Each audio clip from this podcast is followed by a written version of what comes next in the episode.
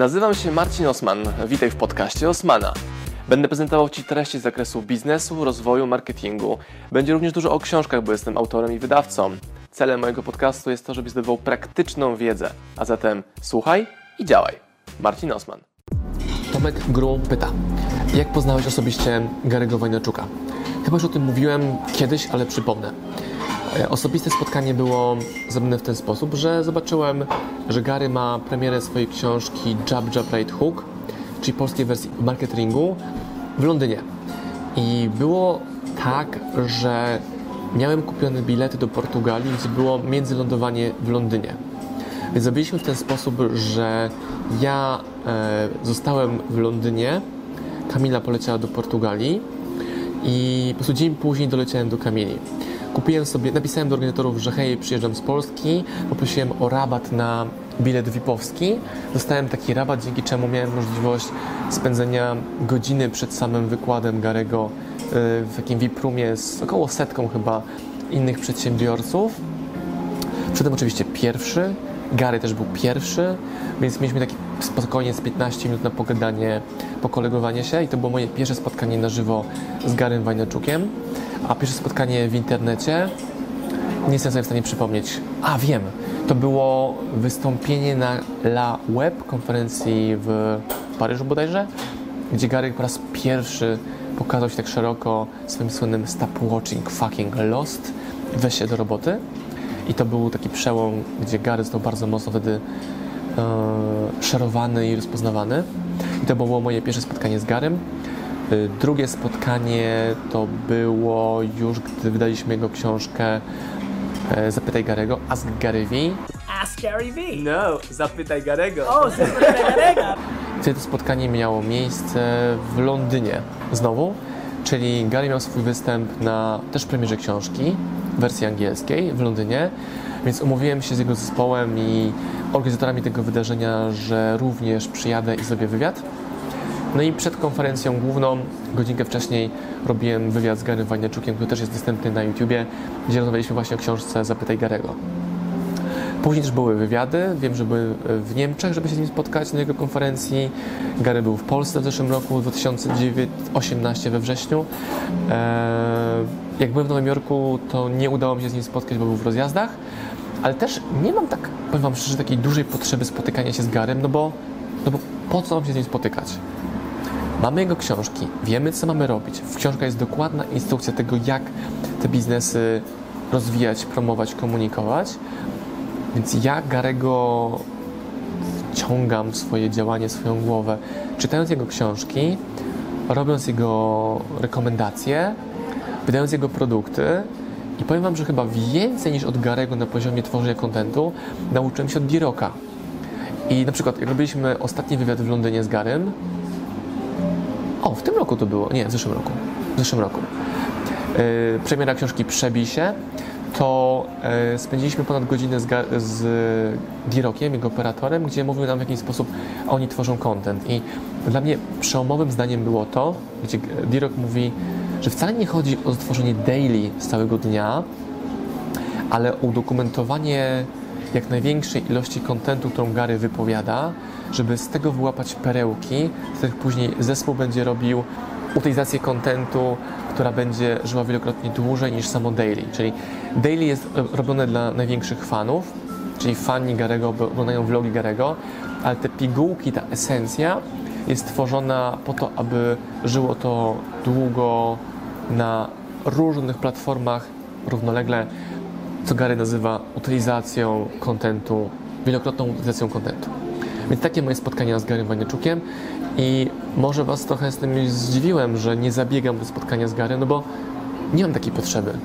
On ma robotę, ja mam robotę, wiemy co robić, brakuje nam mi brakuje jakichś, narzę- jakichś narzędzi, to czytam w książce, co mam zrobić i mam odpowiedź. A kolejna książka Garego pewnie wyjdzie w 2020 roku. Mamy pierwszeństwo jako wydawcy jego książek do kupienia licencji ten tytuł na Polskę, więc też nie muszę specjalnie zabiegać o uwagę Garego i znacznie więcej można osiągnąć pracując z ludźmi, którzy otaczają takiego celu, z ludźmi, którzy otaczają takiego celebrytę, aniżeli samym celebrytą, jakim Gary jest, czy influencerem, bo on i tak ma tego swoich ludzi. Magdalena Dionizjak pyta tak. Biznes z chłopakiem, dwa inne podejścia, już na początku kłótnie.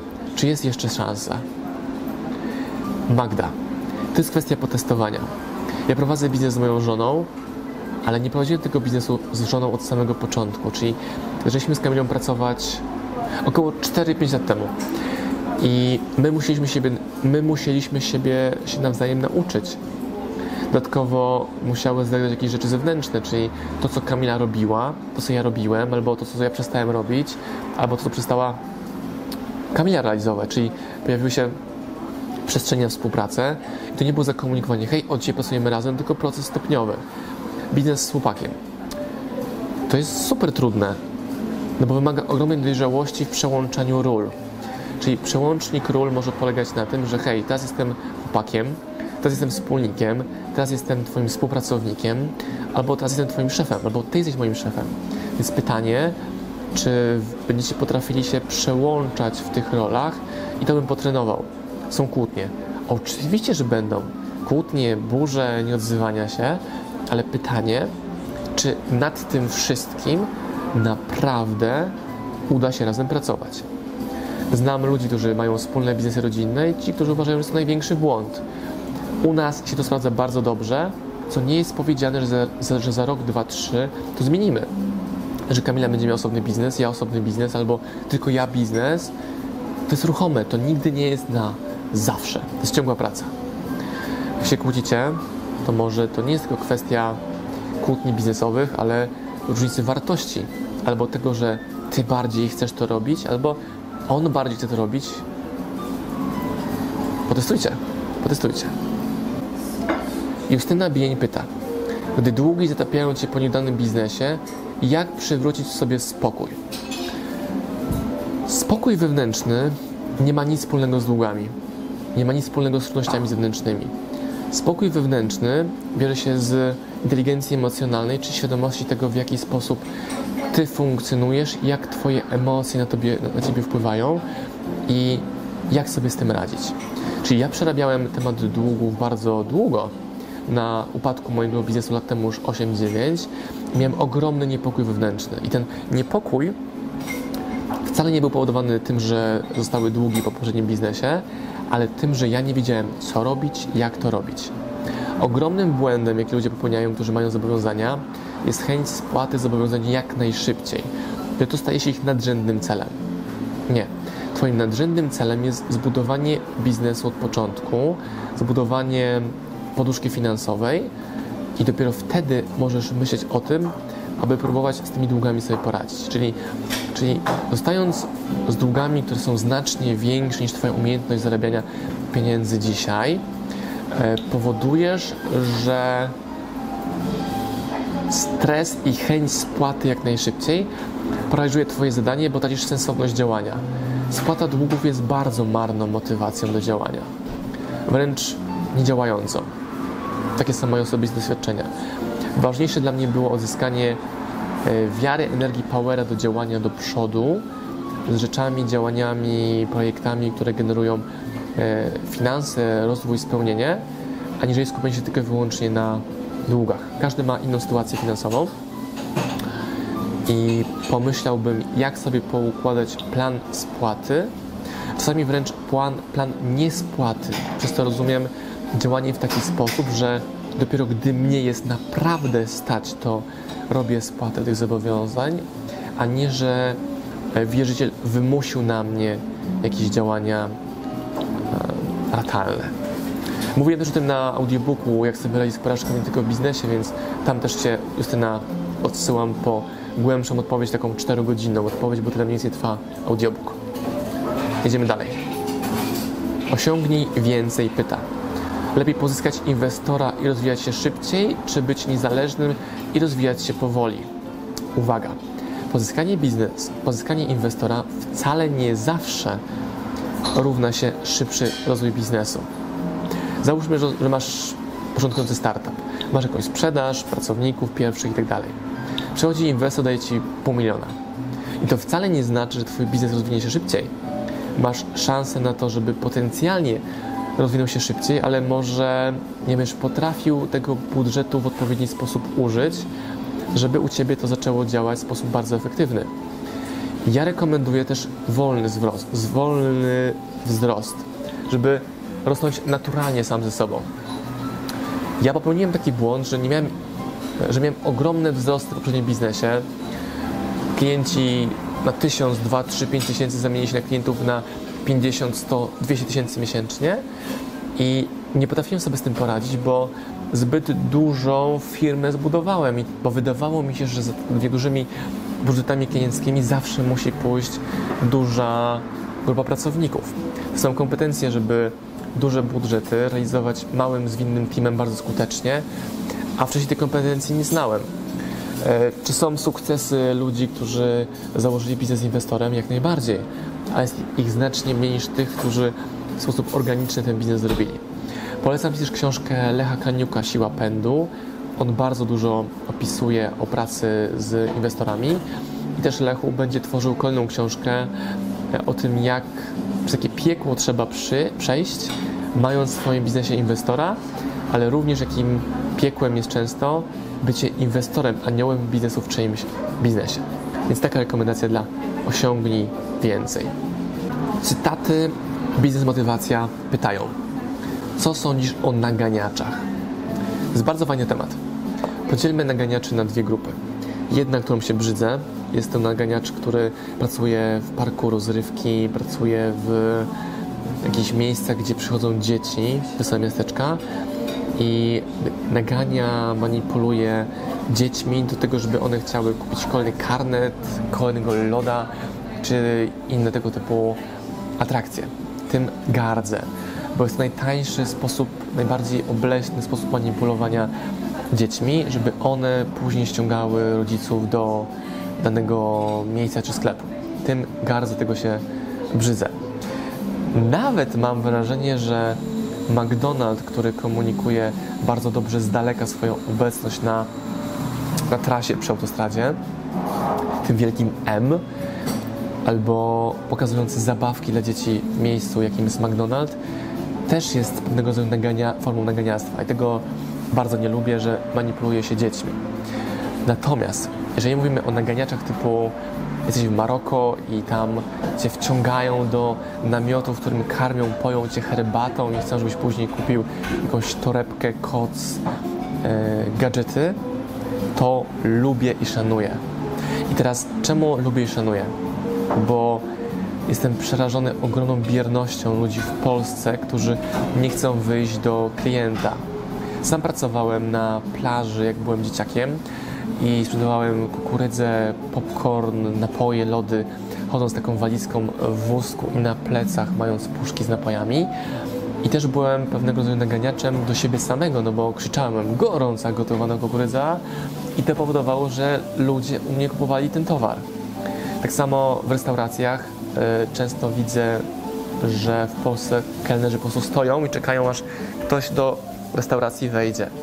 A ja wolę podejście, gdzie jestem na przykład na Teneryfie i idę w kierunku plaży i słyszę od pana, który stoi przed restauracją, pozdrowienia, albo śpiewa w moją stronę, albo życzy mi miłego dnia i zaprasza do siebie, bo on już zakomunikował w mojej głowie swoją obecność i w momencie, gdy pojawi się mnie potrzeba, jaką na przykład będzie zjedzenie obiadu, to wiem, że pójdę do niego, bo go znam. Nawiązał, nawiązał ze mną relację. I często naganiacze są postrzegani bardzo wrogo, ale zaraz, oni pomagają Ci podjąć decyzję, gdzie zjesz. Pomagają Ci podjąć decyzję o tym, co kupisz. Od Ciebie zależy, czy kupisz właściwą rzecz, ale oni proaktywnie podchodzą do tego działania, więc ja osobiście jestem fanem.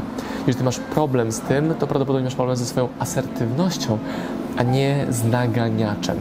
I mówię o takich formach niewinnych, czyli wakacyjnej sprzedaży, ani naganiaczach na, na kredyty, na jakieś pożyczki pod zastaw. To jest obleśne, straszne i nieetyczne, ale w przypadku rozrywki wakacyjnej jestem fanem i chcę, żeby oni stawali się moimi konsjerżami i chcę, żeby oni pomagali mi wybrać odpowiednie rzeczy do mojego aktualnego zapotrzebowania. Idziemy dalej. M.A. Nowicki pyta, jaką radę, którą od kogoś dostałeś, najbardziej wpłynęła na Twoje życie? Kilka rad na różnych etapach życia. Bardzo cenne porady od Fryderyka Karzełka w momencie, gdy moja firma padła lat temu 8-9. Bezcenna pomoc mentorska, ogromne, duże wsparcie, bardzo, bardzo dużo pomocy w tym zakresie.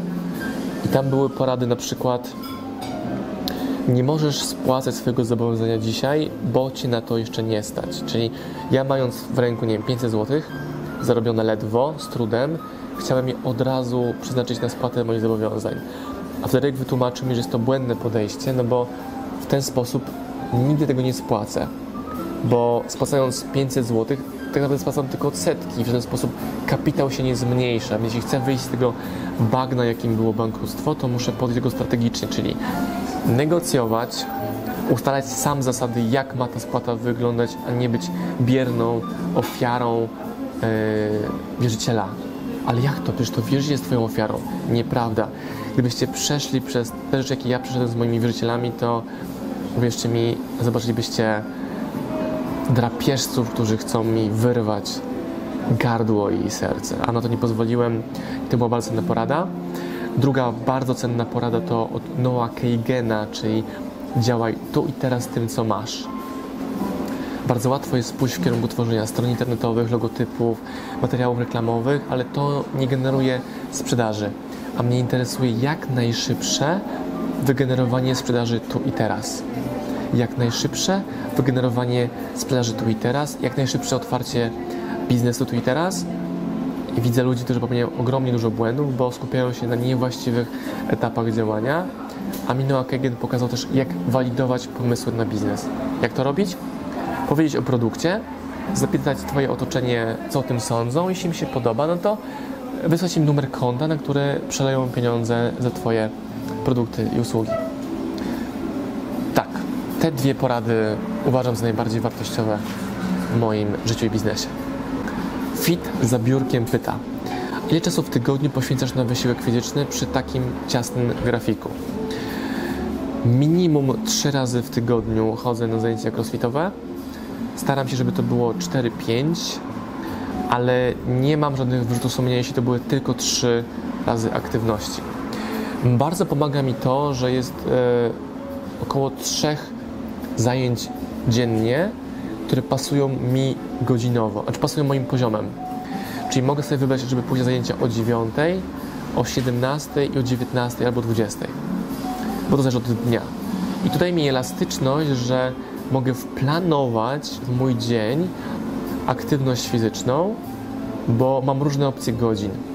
I na przykład to, że dzisiaj pójdę na trening wieczorem, wynika stąd, że do południa była praca na komputerze, nagrywanie dla Was wideo. Po południu zajmuję się e, córką, mam rzeczy domowe, plus tam telefony i tak dalej, więc mogę pójść wieczorem na trening. Jeżeli córka ma na przykład trudniejsze wieczory, to zostaję w domu pomagać żonie z dzieckiem i na treningi chodzę na rano. Jeszcze nigdy nie udało mi się pójść, o raz udało mi się pójść na trening na 6.30, bo to nie do końca pasuje do mojego harmonogramu. Czyli ważne jest to, kiedy się córka budzi, kiedy mam inne aktywności, które wymagają mnie bycia o konkretnej godzinie w jakimś miejscu. Na przykład miałem poniedziałek pełnym dniem sprawunków jakichś e, lekarzy, wyniki badań, jakichś książek przy tych chrztem, jakieś zakupy wymagające mego bycia w sklepie, tego typu pierdoły, które powodują, że je blokuję i to spowodowało, że mój e, trening poleciał sobie na koniec dnia. Tak sobie planuję moje aktywności w moim grafiku, który wbrew pozorom wcale nie jest aż tak ciasny, bo daje sobie mnóstwo przestrzeni na bycie z moimi dziewczynami, a klientów ustawiam tak, żeby byli zblokowani w połowie dnia. Rock and Code pyta, jak dobrać odpowiednie hasztagi dla nowego profilu? Polecasz jakieś narzędzia? Testowanie. Ja mam serię hashtagów w różnych porcjach w notatniku i sobie testuję. Jeżeli mam e, wiadomość stricte, posta stricte prywatnego na Instagram, który chcę wrzucić, to, e, to daję go w ogóle bez hashtagów, bo nie chcę, żeby boty tam moje zdjęcia z córką sobie leciały. Jest to kwestia eksperymentowania Nie ma czegoś takiego jak jeden idealny hashtag, jest to kwestia patrzenia, które tagi, hasztagi, lokalizacje, godziny postowania będą dla Ciebie najbardziej efektywne. Polecam Ci książkę Przebij się Gary'ego w której są bardzo dokładnie opisane media, jak na przykład Instagram. I też pracujemy nad OSM Power, w OSM Power nad wydaniem książki o Instagramie naszym, czyli analizę naszych postów instagramowych, po to, żebyście dokładnie mogli zobaczyć, czemu taki post, czemu taki hashtag, czemu taka aktywność, takie behind the scene, jak my robimy Instagrama, który e, ma teraz 19 tysięcy followersów i myślę, że spokojnie kilkaset tysięcy było wygenerowane sprzedaży przez Instagram. Kilkaset tysięcy złotych wygenerowane przez nasz Instagram. Michał 17 pyta, jak dać wartość w branży odzieżowej? Pokazując produkty, pokazując jak powstają, pokazując jak je dobrać, pokazując jak je wybrać, pokazując jakimi ludźmi jesteście, skąd one powstają, czyli edukować, informować na temat tego, jak w ogóle funkcjonujecie i czemu warto u Was wydać pieniądze. No. Rafał Mołczan pyta, czy można robić sam YouTube bez innych social mediów? Oczywiście, że tak. Możesz skupić się w 100% na YouTubie, jak najbardziej. Czemu ja tego nie robię? Bo sięgamy w inne media. Mam też zespół, który pomaga mi to robić. Ale gdybym miał wybrać jedno medium, na jakim tworzę treści, to byłoby to Insta Stories. Na drugim miejscu byłby YouTube. Czy nie na drugim miejscu, równolegle. Bo YouTube daje, jest e, lepszym zwrotem z inwestycji długoterminowo, bo każde wideo, które tworzę, generuje mi odsłony, nawet jak nad tym wideo nie pracuję. Na Instagramie trzeba wkładać pracę bieżącą dobowo, bo to później znika. Zenon Szański pyta, jaki jest Twój główny, największy cel do osiągnięcia w sprzedaży? Nie jest to liczba, tylko jest to bycie sprzedawcą, przedsiębiorcą, który potrafi wygenerować tyle pieniędzy, ile potrzebuje, w momencie, kiedy ich potrzebuje. Żeby mieć swoje kompetencje, narzędzia, społeczność rozpoznawalność i brand, który pozwala mi e, tak sobie radzić ze sprzedażą. Physiokinetic pyta. Fizjoterapia. Mnóstwo kanałów na YouTube, Facebooku, Instagramie. Ciężko stworzyć coś ciekawego, bo wszystko już jest. Powielać te treści, tylko że stworzone przeze mnie, to nie chodzi o powielanie. Na początku zacznij komunikować to, o co pytają Cię klienci, Twoi pacjenci na terapiach. Zacznij ich edukować. Pokazuj, jak mogą sami poprawić jakość swojego życia, poprawiając postawę, albo jedząc inaczej, albo kogo wybrać, albo jak pracować z fizjoterapeutą i to, że jest tych materiałów sporo, uważam, że wcale nie jest ich sporo, tylko Ci wydaje, bo wydaje Ci, że każdy tworzy te treści, to jest dobry sygnał, bo jest na to popyt. Więc zrób to lepiej niż inni. Na początku to po prostu lub, rób, poprawiaj to z czasem i to spowoduje, że zbudujesz sobie społeczność wokół tematu Twojego brandu, Twojej osoby i to, co rekomenduję, to w ogóle nie patrzenie na innych, nie oglądanie innych, warto oglądać innych, ale z innych branż, które są dalej. Czyli możesz sobie zobaczyć, jak na przykład jakiś vloger medyczny w Stanach pokazuje swoją wiedzę, eksperckość i brand. I w podobny sposób robić to u siebie. Więc argument, że inni to robią jest dobry, ale że jest konkurencja, to się z tym nie zgadzam, bo i tak chodzi o to, że to ty masz tworzyć swoje treści. Już. Dzięki Instagram za fajne pytania. Pozdrawiam Was, moi drodzy podcasterzy, słuchacze mojego podcastu. Dziękuję, jestem Wam na maksa wdzięczny za to, że mogę z Wami spędzać czas w podróży, po to, abyście mogli ode mnie się uczyć i ja, żebym mógł budować z Wami relacje, będąc w Waszych uszach, Waszych samochodach, Waszych podróżach.